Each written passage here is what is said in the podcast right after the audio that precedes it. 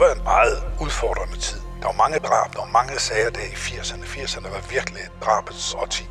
Også for rejseholdet.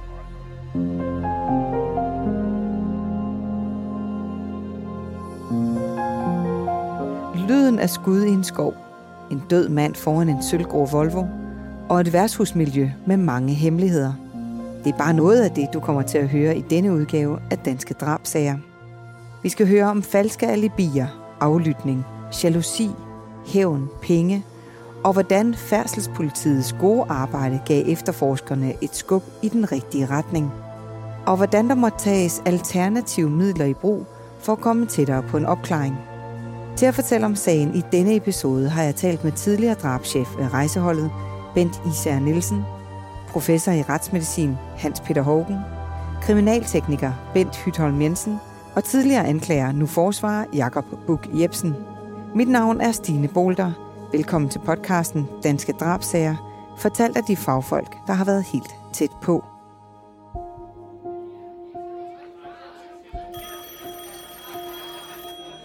Telefonen ringer på værtshuset. Restauratøren taler ned i røret, uden nogen andre kan høre, hvad der bliver sagt. Han lægger på og siger til sin kone, jeg går mig en tur. Det bliver de sidste ord, hun nogensinde hører fra ham. Kort tid efter ringer telefonen også hos den lokale skovfod. Der bliver skudt i Nørreskoven, lyder det. Han sætter sig i bilen, og sammen med sin hustru kører de ud i den mørke skov. På en udkigspost hævet over landskabet rammer lyskejlerne fra skovfodens bil en sølvgrå Volvo. Bag bilen ligger en mand på ryggen. Ramt af skud, i skulderen, i højre side af brystet og direkte i hjertet. Likvideret som en hund på jorden. Vi skal nu tilbage til april 1985. Det var en tid, hvor Danmark var optaget af overenskomststridige strækker, demonstrationer landet over, og en statsminister ved navn Poul Slytter, som satte ind over for urolighederne. I Vejle gik livet sin vante gang på værtshuset Hyggestuen, som blev omdrejningspunktet for en spektakulær drabsag. En af de efterforskere, som blev sat på sagen, var Bent Især Nielsen, og her tager han os tilbage til den tid. Der var hørt skud ud fra Nørreskoven, lidt uden for Vejle, altså Bybæk Runddel. I øvrigt et sted, jeg senere mange gange så et af Danmarks smukkeste gerningssteder. Et virkelig smukt sted. Nogen havde kontaktet skovfoden, fordi der var mistanke om krybskytteri. Skovfoden tager ud og finder en død mand og masser af blod og slår alarm. Politiet kommer jo til helt rutinemæssigt med de øh, kompetencer og de patruljer, man nu skal. Og der står holder også en vogn, en bil derude, ikke så langt fra, hvor det her menneske, livløse menneske ligger. Den bil, en Volvo, konstaterer man hurtigt, den tilhører en øh, kendt restauratør fra Vejle. Og umiddelbart kan man også se, det er ham, der ligger der. Og det er klart, han er skuddræbt. Der er flere ting, både i hovedet og i brystet. Altså, han er skudt med, med øh, familie med, med, med jagtgevær. Det viser sig senere at være tilfældet. Så efterforskningen gået i gang. Øh, restauratøren her var en kendt person i, øh, i byen. Han var gift, øh, havde et par børn, og øh, der var også ansat en tjener på den her restaurant. Og den her tjener boede jo til leje hjemme hos restauratøren og, og dennes øh, hustru. Og sådan noget. Der gik alle mulige rygter i starten om, hvad der var op og ned på den sag. Jeg kan huske, at vi kom, rejseholdet blev tilkaldt, vi kom fra forskellige dele af landet. Efterforskningslederen var igen den daværende chef for drabsektionen, Ernst Søndergaard Petersen, en gudsbenået efterforsker og en dygtig, dygtig efterforskningsleder. Chefen over i øh, Vejle var Ib Tolbod. Han var gammel rejseholdsmand, stor, kraftig øh, mand, ivrig lystfisker. Vi fiskede der til, mens jeg var, var derovre. Vi fiskede her til sammen. Han havde noget godt fiskevand ved Vejle Å. Og der blev sammensat rigtig godt hold. Der var meget dygtige kriminalfolk også i Vejle øh, dengang. Så efterforskningen gik i gang, og der var rigtig mange motivspor. Der var rigtig mange måder, øh, den her sag kunne løses på. Også fordi der var altså nogle, nogle rygter om, at der foregik også nogle gange noget urent trav ned på det her værtshus, den her restaurant Hyggestuen. Og at der måske er til at blive solgt hælervarer, 20 koster, øh, hvad hedder det, cigaretter, ulovlige cigaretter og den slags ting. Men der var også en del personlige motiver i spil. Der var rygter om, at ægteskabet mellem restauratøren og hans kone var problematisk. Øh, det er der jo så, så mange gange. Så alt det her kører faktisk i, i mange uger, hvor man er ude af forskellige tangenter. Tilbage til selve drabet, der kan man se, at noget tyder på, det kommer hurtigt frem, Der kom en oprækning, sagde forskellige vidner, og restauratøren, den nu afdøde, han forlader værtshuset, og han kører så åbenbart ud og skal møde nogen, og det næste, da han bliver fundet øh, dræbt derude. En af dem, der har arbejdet med kriminalteknik, er kriminaltekniker Bent Hytholm Jensen. Han var ikke selv i skoven, men han har stået på hundredvis af gerningssteder igennem sin karriere. Der bliver fundet øh, livet af en død mand. Han er blevet skudt af, med et jagtgevær i en skov. Hvad for en opgave er det, kriminalteknikerne så skal gøre? Kriminalteknikernes opgave er jo i alle de her sager, de rykker ud, det er selvfølgelig at dokumentere de faktiske forhold. Øh, dels fotodokumentere det, og dels søge efter de spor, der er relevante for, at sagen kan blive opklaret. Det er sådan, at øh, det er politikredsene, der ejer sagerne, og så er der en teknisk efterforskning, øh, som blandt andet består af kriminalteknik. Og på nuværende tidspunkt er det jo en af Rigspolitiets afdelinger, det vil sige, det er en assistanceafdeling, så politikredsen kan så tilkalde teknikerne, sådan at øh, de kommer ud og laver gerningstidsundersøgelsen. Og i sådan en sag som den her, hvor der er en, der bliver fundet skudt med et havgevær, så øh, vil man jo typisk lave en afspæring derude. Det vil ordenspolitiet gøre, når de bliver kaldt derud. Og så vil man jo selvfølgelig søge efter spor efter øh, vedkommende må være blevet kommet derud på en eller anden måde. Øh, så man leder jo selvfølgelig efter dækaftryk, øh, solaftryk og den slags ting der, så man ligesom kan dokumentere, hvordan vedkommende er blevet transporteret ud til det her sted. Og efterfølgende, jamen altså, i dag der vil man jo typisk tilkalde en våbentekniker. Altså, øh, består af en lang række specialister, der er generelle kriminalteknikere, som arbejder i kærnelsessektionen. Men øh, så er der jo også øh, fingeraftrykseksperter, så er der våbeneksperter, den slags ting der. Og hvis man ved på forhånd, at det er en, der er skudt med jakavær, så vil man typisk tilkende våbenteknikere, der har rigtig meget forstand på, på, på håndtering af våben. Det man så gør ude på stedet, det er selvfølgelig, at man laver en adgangsvej, så kommer en retsmediciner derud, og så øh, laver man finstadsundersøgelse, og når den er overstået, øh, så vil våbenteknikeren jo være til stede Øh, og vil man jo typisk kunne se på skaden, øh, når der taler om et, hav, øh, et havgevær, og, og om det er en stor by, eller om det har været tæt på eller langt fra osv., afhængig af spredningen på havnen og hvilken type øh, hav, der er tale om. Så sikrer man selvfølgelig den, øh, det, man kan derude. Øh, I nogle tilfælde, så kan man finde øh, havlbæger, altså forstået på den måde, at øh, en havlpatron, den er indrettet sådan, at, at der er et hylster, der er en fænghætte, og så inde i, øh, i den her patron her, der sidder sådan en plastikbæger, øh, som indeholder de, de, de havl, der er derinde, og så er den krummet sammen ud i spidsen, den her havlpatron. Og når skuddet det bliver afgivet, så åbner den her spids sig, og så farer alle havlene selvfølgelig ud i alle mulige retninger, afhængig af, hvor langt væk det er. Øh, og så det her havlbær, det farer så også ud. Øh, og så i nogle tilfælde, altså, når hvis der har været jagt ude i stedet der, så øh, er der jo mange jæger, de efterlader jo deres patronhus der derude. Men i sådan en sag som denne her, øh, der bliver øh, havbær, det bliver jo ikke, ikke været efter, efter det bliver afskudt, altså patronen øh, med fænghætte. Så der kan man øh, næppe for, for at have forhåbning om at finde det ude på stedet derude. Våbentekniker, han vil selvfølgelig øh, se på den afdøde, og så ligesom danse et indtryk af, om skuddene er afgivet på lang afstand eller på kort afstand, og hvor mange skud, der er afgivet, hvor mange øh, skud er vedkommende er ramt af. Hvis der er tale om et dobbeltløbet havlgevær eksempelvis, så vil patronhylstrene, de afskudte patroner, de vil blive i geværet, med mindre at man knækker løbet, og så, så hopper de her patronhylster, de afskudte patronhylster, de hopper op. Og det er jo klart, at hvis der er skudt mere end to gange, så er der jo en sandsynlighed for, at man kan være heldig at finde et afskudt patronhylster derude. Og når du finder et afskudt patronhylster, så afgiver slagstiften på geværet, den afgiver nogle bestemte mærker i fænghætten, øh, som man efterfølgende vil kunne identificere, lave, hvis man finder det rette våben. Samtidig så kan man selvfølgelig forsøge at lave fingeraftryksundersøgelser på, på selve øh, metallet på fænghætten. Kriminalteknikerne kan altså bidrage med en masse vigtig viden omkring våbnet, og sammen med de retsmedicinske undersøgelser kan eksperterne komme med en meget præcis angivelse af skudafstand, retning, dødsårsag og dødsmåde. Det fortæller retsmediciner Hans Peter Hågen om her. Han var blevet skudt med et havlgevær. Han var blevet ramt i den ene skulder, og så var der blevet affyret to yderligere skud, som begge havde ramt ham. Kan man som retsmediciner se, hvilket skud, der er det dræbende?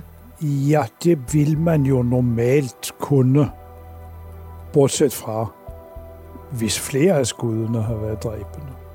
Når det drejer sig om havlskud, så er det meget vigtigt med afstanden fordi havlene spredes igennem luften. Hvis man er skudt på klodshold med øh, et havlgevær, så er ladningen af havl ikke begyndt at spredes endnu, og så bliver man altså ramt af en stor klump havl. Så vil det være et stort hul. Hvis man så er ramt flere gange på klodshold, jamen så vil det være flere store huller. Hvis det derimod er på en noget større afstand, så er det mere spredning på, og så kan det være lidt svært at afgøre, hvilke havl, der tilhører hvilke af skuddene. Men der kan man se det igen på antal af huller fra havl. Hvis det overstiger antallet af, af havl i en havlpatron, jamen så er man nu klar over, at der er flere havlskud. Hvad kigger I efter, når I obducerer en person, der er blevet skudt frem for måske at blive stukket ihjel? Vi ser her efter, om skal vi sige, hvilke organer, der er blevet ramt. Fordi jeg mener, hvis man bliver øh, ramt i den ene nyre, jamen så kan man dø af forblødning. Hvis man bliver øh, ramt i hovedet, jamen så dør man ved, at hjernen er blevet ødelagt. Hvis man bliver ramt i brystet, så kan det være overrevning af store blodkar eller hjerte. Så dør man jo af det. Men altså, du vil, du vil dø hurtigere, hvis man bliver skudt i hovedet eller i hjerte, end hvis man bliver lige ramt i, en, i for eksempel en nyre. Selv man jo kan dø af det sidste også, hvis man ikke bliver behandlet for det. Så ser vi på, om vi kan udtale os noget om skudafstanden. Og så ser vi på skudretningen. Retningen, det bruger man jo også, når der snakker om knivstik, og dybden, og hvilke organ, der er blevet ramt. Men afstanden, det er også noget, vi forsøger at udtale os om, inden for de begrænsninger, vi har. Og der er det jo igen det sammen med havl. De kommer ud og gevær i en stor klump. Og hvis der er større afstand, jamen så er havlene begyndt at spredes, og så skal vi måle afstanden altså diameteren på lesionen på kroppen. Altså hvis den for eksempel så, lad os bare sige noget, er 25 cm, som er afstanden mellem yderpunkterne på lesionen, så vil øh, øh, kriminalteknikerne senere hen, forudsat at man har fundet drabsvåbne, lave prøveaffyringer med det, hvor de skyder på papskiver og der hvor man får den samme af samme diameter mellem de yderste havl, som vi har målt under obduktionen, så ved man, der har man skudafstanden. Og det kan have betydning i forbindelse med rekonstruktionen af, hvad der i virkeligheden skete. Men uden et muligt gerningsvåben at sammenligne fundene med, var det svært. Politihunde ledte skoven igennem, og et vandhul med 700.000 liter vand blev tømt, uden held. Samtidig var politiets efterforskere fra både det lokale politi og rejseholdet i fuld gang med at komme nærmere et motiv til drabet og dermed de mistænkte. Bent Især Nielsen var en af drabs efterforskerne på sagen. Jeg var jo startet en år forinden, øh, kom faktisk til Vejle fra øh, Aalborg. Jeg var i Aalborg på Banegårdssagen, som vi stadigvæk efterforsker, som ikke var opklaret på det tidspunkt. Ja, det blev den i øvrigt først mange år efter. Men det er jo ikke sådan med, i rejsehold dengang, at der sad hele tiden nogen lede på udskiftningsbænken, som ventede på, at der kom en ny sag. Folk var jo altid i arbejde, så det var hele tiden et øh, logistisk, personalmæssigt øh, kæmpestort øh, problem, eller i hvert fald en udfordring, når der så kom en ny sag. Der var jo ikke nogen, der om jeg så at sige, var ledige. Alle sad jo begravet i noget, så det var jo noget med at så i hvert fald i periode at trække nogen hen i en opstart og se, hvem kan vi så permanent lade blive på den her nye sag. Nogen skulle jo tilbage, og jeg var på Vejle-sagen der i, øh, i øh, lang tid, men tog så tilbage til, til Aalborg og arbejdede videre øh, med den. Og jeg tror faktisk, som jeg husker det, at jeg i lang tid, i flere måneder faktisk, pendlede mellem de to øh, sager. Og sådan var det tit et puslespil. Det, der altid var den ledelsesmæssige udfordring, det var, at der skulle være nogen, som var permanent på en sag. Der skulle være i hvert fald en eller to, som virkelig kendte den, sammen med en, en eller to af de lokale. Fordi det, der ofte opstod, det var, så rejste rejseholdet lige pludselig, fordi der kom en ny sag. Og hvis så ikke de lokale havde fået sat folk ind i sagen, fordi de siger, at vi har jo fået rejsehold til hjælp, så kunne der godt opstå et vakuum, at der lige der manglede simpelthen en eller nogen, som virkelig kendte den her sag. Så det var altid en ledelsesmæssig udfordring, at der skulle altså være en eller to rejseholdsfolk, og eller en to lokal, som hele tiden kunne koncentrere sig om det, selvom der selvfølgelig i perioder var både 10, 20 og 30 mand på sådan en sag, som kunne være med kortere eller længere tid, fordi så var der jo andre sager, de skulle tilbage til.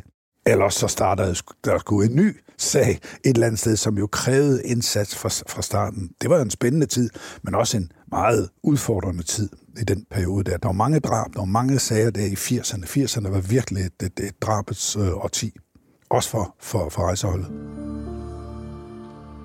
Som tiden gik, som ugerne gik, så begyndte mistanken at snæves ind mod det, vi kalder et nærdrab. Det er altså ikke tilfældigt udefra en eller anden tilfældig ting. Det ligger i noget personligt. Og mistanken, den begyndte så at rettes mod enken, altså restauratørens øh, efterladte enke, og den tjener, som boede hjemme hos dem til leje, og en af hans kammerater. De blev afhørt flere gange. De nægtede et hver kendskab til det der. Men der var mange efterforskningsskridt. Der var også noget aflytning. Der var forskellige ting, som øh, vi satte i gang. Og den der mistanke blev altså øh, stærkere og stærkere. En af de ting, der gjorde, der kom et gennembrud, det var, at det her gerningsvåben, hvor vi jo ikke rigtigt, som vi ikke havde fundet, og vi vidste ikke, hvad det var for et, for de mistænkte havde ikke adgang sådan umiddelbart til våben. På et tidspunkt vi blev opmærksom på et indbrud, der havde været i Grænsted. Et indbrud nogle dage før drabet. Og øh, ved det indbrud derude, der er stjålet flere ting, blandt andet der er stjålet et dobbeltløbet havlgevær, altså et jagtgevær, det der hedder en havlbøsse. Og der var ikke umiddelbart nogen spor, men vi tænkte, det kunne jo være, så der blev iværksat ret godt kriminalteknisk arbejde derude. Og der finder man en bloddråbe, du gerningsmanden eller gerningsmændene havde skåret sig, da de brød ind i villaen i Grænsted. Den blod øh, prøve blev relativt afgørende.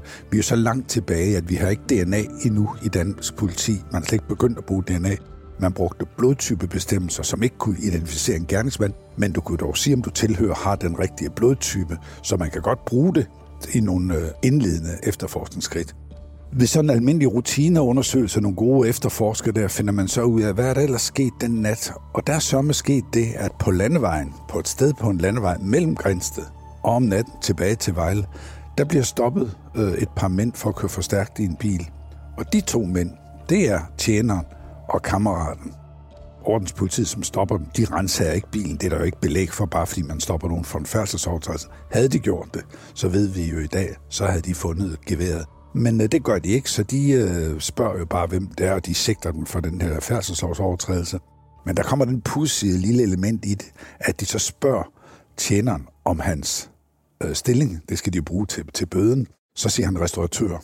Og det vil jo tit tænke på, ja, hvad hjertet er fyldt med, det løber munden over med, ikke? For han var på ingen måde restauratør. Men en af de motiver, der nok lå og tænkte, det var, at det ville han sikkert gerne være. Fordi det var en af de øh, efterhånden udtalte motiver. At restauratøren var, for at sige det mildt, nu skal man ikke tale alt for ondt om de døde, han var ikke nogen god ægtemand. Han var af til voldelig, og han var ikke altid god over for, for børnene. Så der var meget, der tyder på, at tjeneren måske godt kunne tænke sig at overtage både forretningen og konen. Og vi fik også etableret, at de havde faktisk et forhold, inden restauratøren blev byrdet. Så alt i alt begyndte tingene at pege den vej.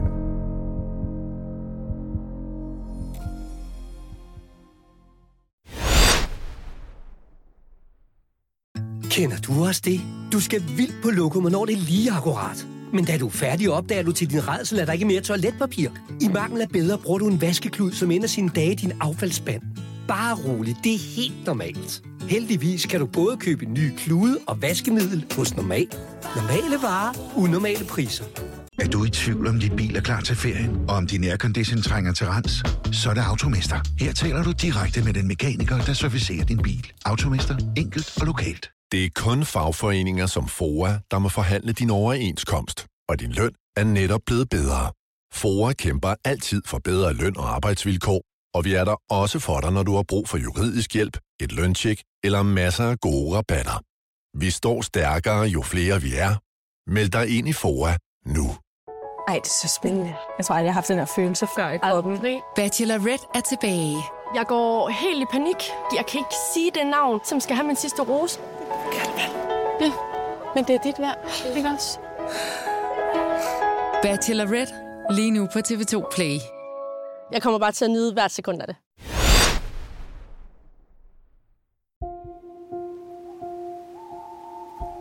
Det er præcis en uge siden den 41-årige mand blev skudt i den øde skov. Nu er der langt fra øde. Politibetjente stopper alle, der bevæger sig i og omkring Nørreskov og Vejle. De er på barbund, men håber på, at vigtige vidner kan blive fundet denne aften. En måned senere er drabet stadig uopklaret. Men nu kan familien sætte et punktum, da livet bliver bisat fra det lokale krematorium. Til stede er kun den nære familie og venner. På billeder i avisen kan man se den sørgende hustru, parets to børn og den mand, som senere skal fange politiets opmærksomhed. Han er iklædt hvid skjorte og åbenstående jakke. Han ser sammenbidt ud, mens krokodilletårerne triller. Flere vidner meldte sig på banen og hjalp politiet med efterforskningen. Der var et vidne, som havde set den dræbte på vej til sit fatale møde den onsdag aften, og flere vidner kunne lægge fast, at de havde hørt skud i skoven omkring kl. 22.40. Samtidig blev personer i den dræbte restauratørs nære omgangskreds afhørt indgående, fortæller Bent Især Nielsen. Vi brugte forskellige og sensitive efterforskningsmetoder. Øh, det var noget med også at have nogle øh, civile politifolk, som ikke var kendt i Vejle, til ligesom at, i dag vil man nok kalde infiltrere det var ikke sådan, at gå ind i et infiltreret miljø, men vi havde i hvert fald nogle øh, civile værtshuslignende øh, betjente, som vi lige øh, lod gå lidt på værtshus øh, om natten i, noget, i tiden efter, for ligesom at opfange, hvad foregår der egentlig? Hvad taler man om? Hvad siger stemningen? Og, hvad, hvad, og så videre, så videre, så videre. Og undervejs blev der også etableret nogle telefonaflytninger. Dem går jeg jo aldrig i detaljer med, hvem og hvordan, fordi, men det er jo altid noget, man får rettens kendelse. Der skal en dommerkendelse til. Så det var selvfølgelig noget, der var rettet mod de, øh, de mistænkte, som vi så i perioder. Alt sammen for at bygge et indisegrundlag, et mistankegrundlag op til, at man kan gå videre med de retsskridt, som ikke mindst kræver øh, anklagemyndighedens involvering og retskendelse. Og det er det hvis man begynder med at tale med om, om øh, aflytten, og især hvis man skal fremstille et grundlovsforhør og rejse sigtelse og have folk varetægtsfængslet, så skal, er det jo selvfølgelig anklageren, der, der træffer den beslutning på baggrund af politiets øh, materiale. Da der endelig var kommet et gennembrud, og brikkerne var ved at være lagt i sagen, var den ene af de mistænkte over alle bjerge. Der måtte tænkes alternativt, husker Bent Især Nielsen. En lang og spændende efterforskning kørte jo, og det endte med til sidst, at man ville skride til anholdelse til de her to formodede gerningsmænd, tjeneren og kammeraten. Enkens rolle var meget tvivlsom. For hvis vi kørte ud af den her tangent med at sige, at det er de to, der har gjort det, ved hun det så? Har hun måske ligefrem bestilt det? Har hun bare efterfølgende accepteret det? Fordi så er det faktisk ikke engang ulovligt. Hvis man efterfølgende får noget at vide, der er sket, som man ikke selv har nogen andel i, så har man jo ikke gjort noget strafferetligt øh, forkert. Men der var nogle tunge efterforskningsmæssige og juridiske overvejelser over, hvis det var tjeneren, der havde gjort det, han så bare gjort det på forventet efterbevilling. Og meget tyder på det, fordi efterfølgende sagde han til enken, altså, nu har du fred, nu er det problem løst. Og så blev den bare accepteret. Men det korte og lange blev, der var ikke belæg for at sigte enken for noget. Så koncentrationen var altså om de her to mænd, tjeneren og, øh, og kammeraten. Kammeraten var i midlertid, inden vi kom så langt, på mirakuløs vis kommet til penge, så han var rejst til Australien. Og vi havde ikke nogen udleveringsaftale med Australien, så den nød skulle jo også lige knækkes. Men i hvert fald så rejste et par politifolk, en efterforsker fra rejseholdet og så en, en, øh, en mand fra, fra Vejle politi, de rejste til Australien og opsøgte øh, kammeraten. Og på forunderlig vis, så lykkedes det dem at overtale ham. De kunne ikke anholde ham derude, men de overtalte ham til at tage hjem og blive renset for den øh, mistanke, som der jo var den blev ham forlagt ud. Han tog hjem sammen med dem og ville gerne forklare sig. Og da de nåede øh, Københavns Lufthavn og trådte ned på, på dansk grund, så blev han erklæret for anholdt og sigtet for drab, skråstreg, medvirken til drab. Og på samme tidspunkt blev tjeneren anholdt. Derefter kørte det med, at de blev varetægtsfængslet, sigtet for drab, nægtede alt. I en efterforskning af en drabsag kan det være de bitte små detaljer, som gør, at sagen bliver opklaret. At man ringer på den rigtige dør, efterprøver de mange alibier, eller lytter godt efter, når en mistænkt bliver afhørt. Drabsefterforsker Bent Især Nielsen fortæller her, hvordan de var snublende tæt på en tilståelse. På et tidspunkt efterfølgende fik jeg at vide af tjeneren, at han faktisk på et tidspunkt var tæt på at tilstå, da han blev afhørt omkring nogle skader, han havde på hænderne. Og da han sagde han efterfølgende, holdt op, nu bryder det sammen, for det var jo skader, de har fået, da de løb væk efter drabet gennem noget og derude ned mod Vejle Fjord for at skille sig af med øh, geværet. Men ud af det blå sagde han, at det var bare noget, han har fået, fordi han har flyttet nogle, øh, nogle øh, bambusplanter. Og så gik politiet jo bare videre. Havde man lige reflekteret lidt over det at sige, altså os, der har prøvet at flytte bambusplanter, ved godt, det kan være irriterende og stort arbejde, men de riser altså ikke, de giver ikke skader, som for eksempel brombær og den slags ting gør. Men han klarede lige frisag der, og han sagde, var der fuldt op der, så var jeg nok knækket allerede der. Så en god øh, refleksion til noget, der man, man, man tænker, hvor vigtig nogle gange en lille bitte detalje i en, og, og et nærvær i en afhøringssituation kan være.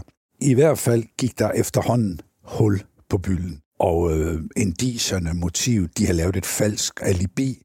Da de havde besluttet, tjeneren og kammeraten, at det her drab skulle foregå, så var de jo godt klar over, at de ville nok, i hvert fald tjeneren, ville nok blive kigget ud. Altså, hvem vil man begynde at kigge på, ikke? Så derfor har de faktisk gjort noget, som lykkedes i første omgang. I løbet af den aften og nat, det er jo først øh, sent, at det drabet sker, der har de været rundt øh, på flere beværtninger, restauranter, værtshuse i Vejle, og gjort meget opmærksom på sig selv. Givet mange flere øl, end de plejer, været meget mere synlig, og også ligesom fået lagt kim til, hvornår var vi egentlig, vi var her. Og det virkede faktisk meget godt, for da vi så Øh, politiet gik i gang med at afhøre rundt på de her steder. Hvad med, har I set øh, tjeneren og kammeraten her med? Jamen, de var her, og vi var, så dem øh, i lang tid. Så inden vi fik brudt det ned, for nogle gange så er det et spørgsmål om minutter. Kan de nå det, eller kan de ikke nå det? Og fra at det i lang tid så ud som om, jamen de har jo alibi, de kan jo ikke have nået det. De kan ikke have været derude ved Nørreskoven og begå det drab, og så være tilbage der ja, så blev der lige den plads til at sige, jo, det kan de lige nøjagtigt have nået, hvis de er koldblodige og kyniske nok til at få det gennemført, løb ned, og det er jo der, tjeneren får sin rifter på hænderne, som var ved at fælde ham under første afhøring, for de løber ned af skråningen, ned mod Vejlefjord, og der skiller de geværet ad og smider delene så langt ud i vandet, som de overhovedet kan. Op igen til bilen, tilbage igen, genoptage rytmen med at køre rundt heje og vi giver øl. Så det passer og derfor kan det være svært for politi at lægge sådan noget fuldstændig fast. Mangler der lige øh, 10, 12 eller 15 minutter, det kan der jo sagtens gøre, hvorfor de vidner siger, at de var der fra cirka 10 til 11, eller fra 1 til 2, eller måske halv 3. Sådan. Der kan det blive meget, meget vanskeligt, især i et værtshus- og restaurationsmiljø, hvor selvfølgelig vidnerne ofte er lidt påvirket af alkohol og, og, og at det er det samme, der normalt sker. Nå, jamen, det var jo som det var, og så videre, så videre. Så der bliver det noget med, at der skal bruges rigtig mange kræfter på. I dag vil man jo meget mere kunne supplere det med overvågningsbilleder, mobiltelefon, trafik, og ikke mindst hele DNA-udvikling og sådan noget. Men det er jo altid kunne lade sig gøre på den ene eller den anden måde for dygtig efterforskning og kunne lægge den slags ting nogle gange og lægge et alibi eller ødelægge et falsk alibi. Og det var faktisk det, der var tilfældet her. Kammeraten havde ringet, lokket øh, restauratøren ud i skoven under påskud af, at der kunne købes et parti, jeg tror det var cigaretter eller spiritus, eller hvad det var. Og så står de så derude, og, øh, og, og så skyder de ham.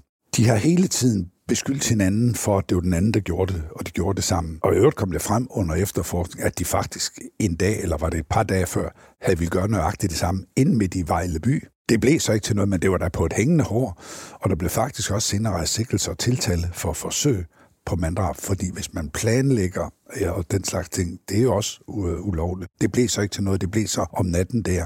Det endte alt sammen med, at, at politiet sigtede dem for begge to for medvirken, fordi øh, de ville ikke, at de sagde, at de havde gjort det sammen, men den ene sagde, at det jo kun var den anden, der skød, og vice versa. Så vi kunne ikke afgøre, hvem havde afgivet de der, jeg tror, det var tre dræbende skud, tre øh, skud, bom, plus en, en, en anden skade. Så det blev også, at anklagemyndigheden besluttede, at vi kan ikke lægge fast, hvem af dem, der affyrede dræbende skud. Så de blev begge to tiltalt for medvirken til manddrab. Bent Især Nielsen og de øvrige drabs efterforskere kunne nu pakke sagen og levere materialet til anklagemyndigheden. Gerningsvåbnet var et jagtgevær, og det var væk i lang tid.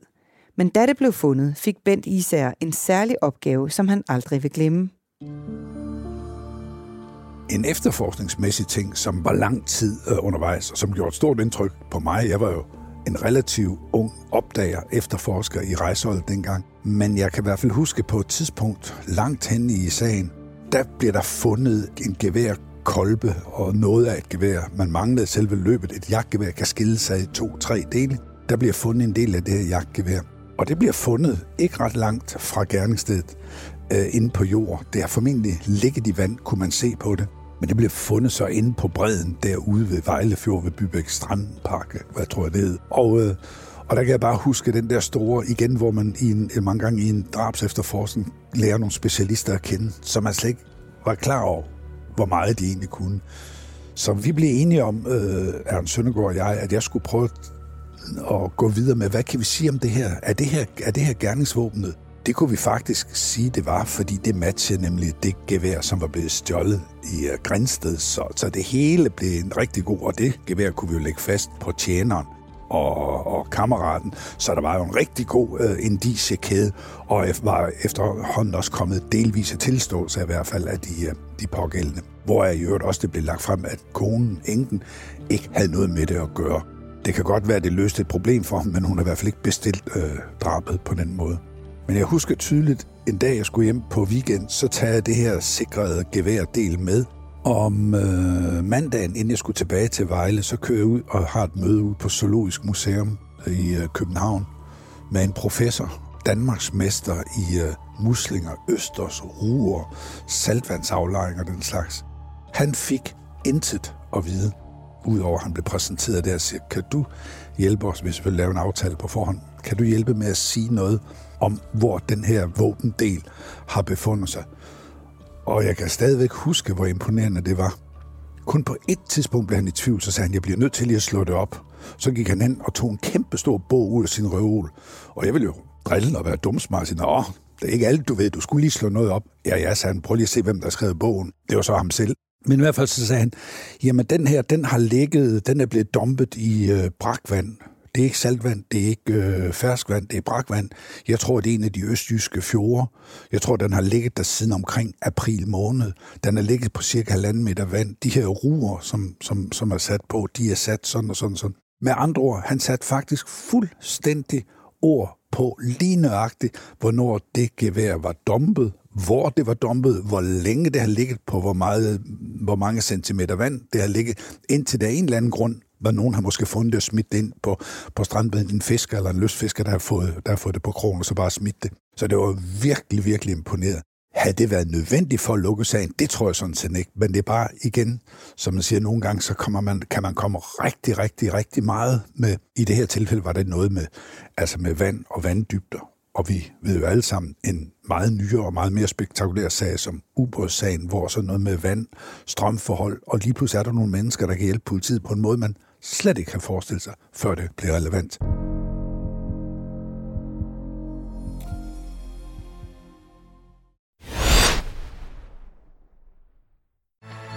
Hej Danmark, Patrik på Gekkas her. Hvornår har du planlagt din næste tur til Skandinaviens største varehus? På GK's i Ullared kan du shoppe og overnatte til fantastisk lave priser. Hvornår kommer du? Shoppa, bo och umgås på Gekås Ullared. Skal man have stor kørekort for at blive det der transportbetjent? Nej, men du skal have haft kørekort i tre år. Og hvad med skole? Er der meget af det? Selve uddannelsen, den tager to år, men skolen, det er kun tre måneder. Resten af tiden, det er praktik. Det er ikke dumt. Men det er lang tid at være på SU. Nej, du får fuldt den i begge år. Seriøst? Fedt! Vil du også arbejde med indsatte og bidrage til mindre kriminalitet i samfundet? Så søg ind på uddannelsen til transportbetjent senest 21. maj. Eller læs mere på blivtransportbetjent.dk Ej, det er så spændende. Jeg tror aldrig, jeg har haft den her følelse før i kroppen. Bachelorette er tilbage. Jeg går helt i panik. Jeg kan ikke sige det navn, som skal have min sidste rose. Ja, men det er dit værd. Ikke også? Bachelorette. Lige nu på TV2 Play. Jeg kommer bare til at nyde hvert sekund af det.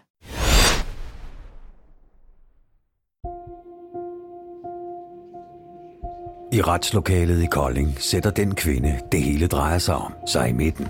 Foran dommeren. Hun skælver. Alles øjne er rettet mod hende. Og koncentreret om det, hun nu vil fortælle.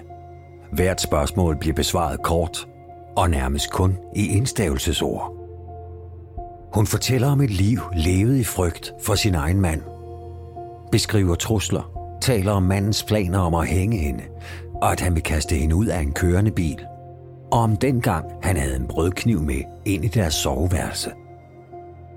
Da sagen kom for retten, var det nærmest på årsdagen for drabet. De to tiltalte stod begge tiltalt for medvirken til drab, og det havde ikke været muligt at finde ud af, hvem af dem, der havde trykket på aftrækkeren. Tidligere anklager, nu forsvarsadvokat Jakob Bug Jebsen, var ikke selv i retten, men han kender den fra medierne og dommen. Den 11. april 1986, der faldt der dom i sagen. Hvad var det, der skete? Det var en øh, sag i Vesterlandsret. Det var jo sådan, at, at man øh, frem til 2008, når man kørte øh, de alvorlige sager, altså nævningesager, der kørte man altid sagerne i landsretterne til at starte med. Det ændrede man i 2008, det vil sige, de alvorlige sager, hvor der skal medvirke nævning, de starter altså i dag i byretten. Det var sådan, at nævningene afgjorde skyldspørgsmålet alene, efter den gamle måde at køre nævningssager på. Og hvis de nåede frem til en frifindelse, så var det en frifindelse.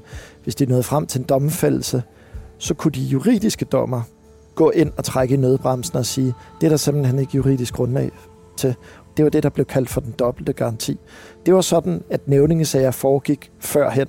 Og det var også det, der skete i den her sag med hyggestuedrabet, hvor dels en tjener og hans ven blev dømt for at have slået en restauratør ihjel i Vejle, som havde det her værtshus, der hed øh, Hyggestuen, øh, og som angiveligt stadigvæk øh, er værtshus, dog under et andet navn i dag.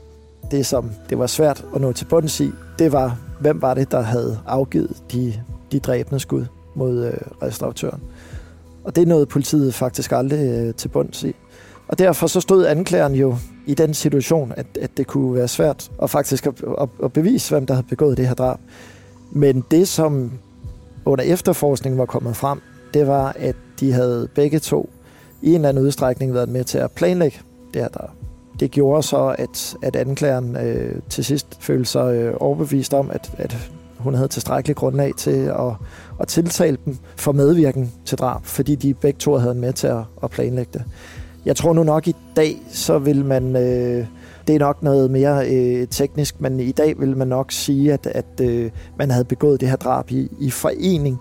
Altså efter aftale eller ud fra en fælles forståelse om, hvad der skulle ske, at man så havde begået det her, og så øh, vil man nok beskrive det som, at den ene øh, så derved afgav dræbende skud mod den afdøde, og at man så dermed, uden at kunne sige, hvem der trykkede på aftrækkeren, kan gøre dem fælles ansvarlige for det.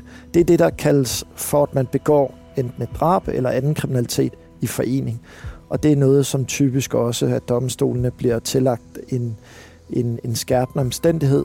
Altså der er forskel på, at man foretager noget som en, en enkelt person, eller om man er flere. Og det klassiske, det er jo det her med, der er jo, hvis man begår et overfald på gaden, bliver tiltalt for vold, så betyder det jo meget for den forurettede, er der tale om en angriber, eller er der tale om flere angriber. Så derfor så vil det typisk blive tillagt en skærpt omstændighed.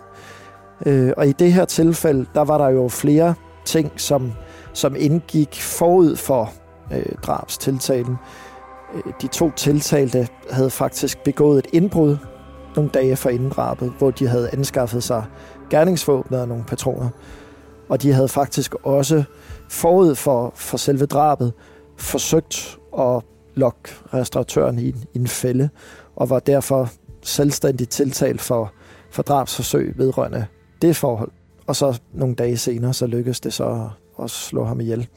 Og det blev så taxeret af Vesterlandsret. Og jo først og fremmest, fordi det er noget, de begge to har medvirket til, øh, til 14 års fængsel. Ja, de fik 14 års fængsel begge to, selvom den ene kun er, hvad skal man sige, rigtig drabsmand ved at have trykket på aftrækkeren. Tror du, det ville have været samme straf i dag? Muligt øh, lidt mere end da, øh, fordi siden 86 så er, er våbenlovgivningen blevet skærpet flere gange. Det man øh, har set her, i hvert fald de seneste 10 år, det er, at, at der øh, i forbindelse med drab, der bliver begået med, med skarpladte våben, der bliver typisk lagt, lagt lidt oveni. Øh, I dag er det sådan, at, at den blotte besiddelse af et skarpladt våben på offentligt sted, der er minimumstraffen for det er to år, tre måneders fængsel. For år tilbage, der var vi nede i, i et år til halvandet. Det gør jo, at i dag, der vil man typisk lægge lidt mere oveni, i, straffen for, for selve drabet, i forhold til, hvis man begår drab med hænderne eller med en kniv. Så jeg vil umiddelbart sige, at, at det var bestemt ikke umuligt, at, at man øh, med dagens øh, lovgivning øh, ville have sagt, jamen fordi de har medvirket til at begå det her drab, eller at de i foreningen har begået det her drab med et skarpt skydevåben, der, der ville det være sandsynligt, at man havde udmålt 15 års fængsel. Men synes du, det er fair, at man får, selvom man ikke har affyret våbnet, at man så også får en så høj straf?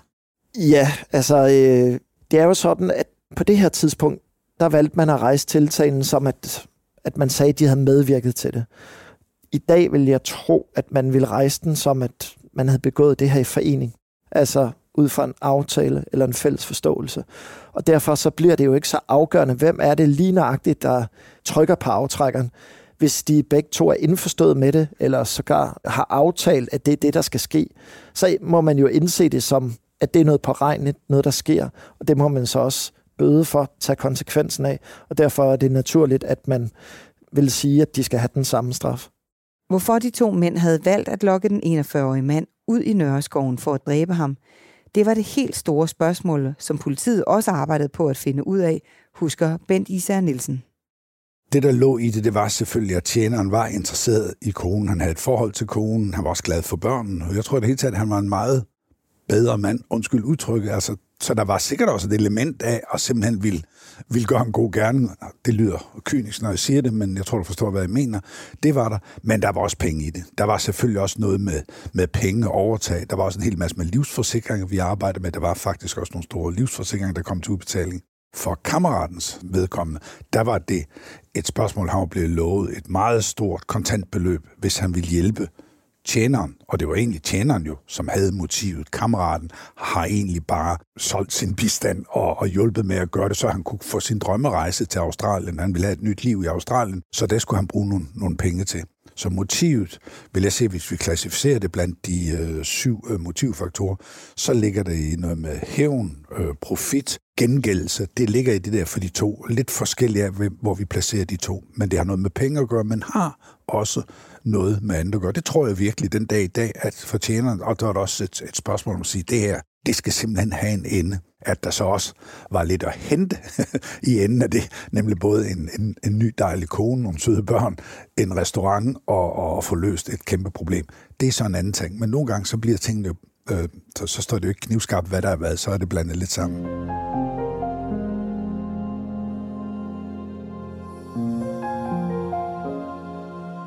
Den dømte kammerat, som var blevet hentet hjem fra Australien, blev fotograferet på vej ud af retten, mens han gav thumbs up og et stort smil til fotografen fra Ekstrabladet. Herefter blev han spurgt, om han fortrød. Svaret lød ja, men kun på grund af straffen. Enken blev renset for mistanke og fik udbetalt en halv million kroner fra sin myrdede mands livsforsikring.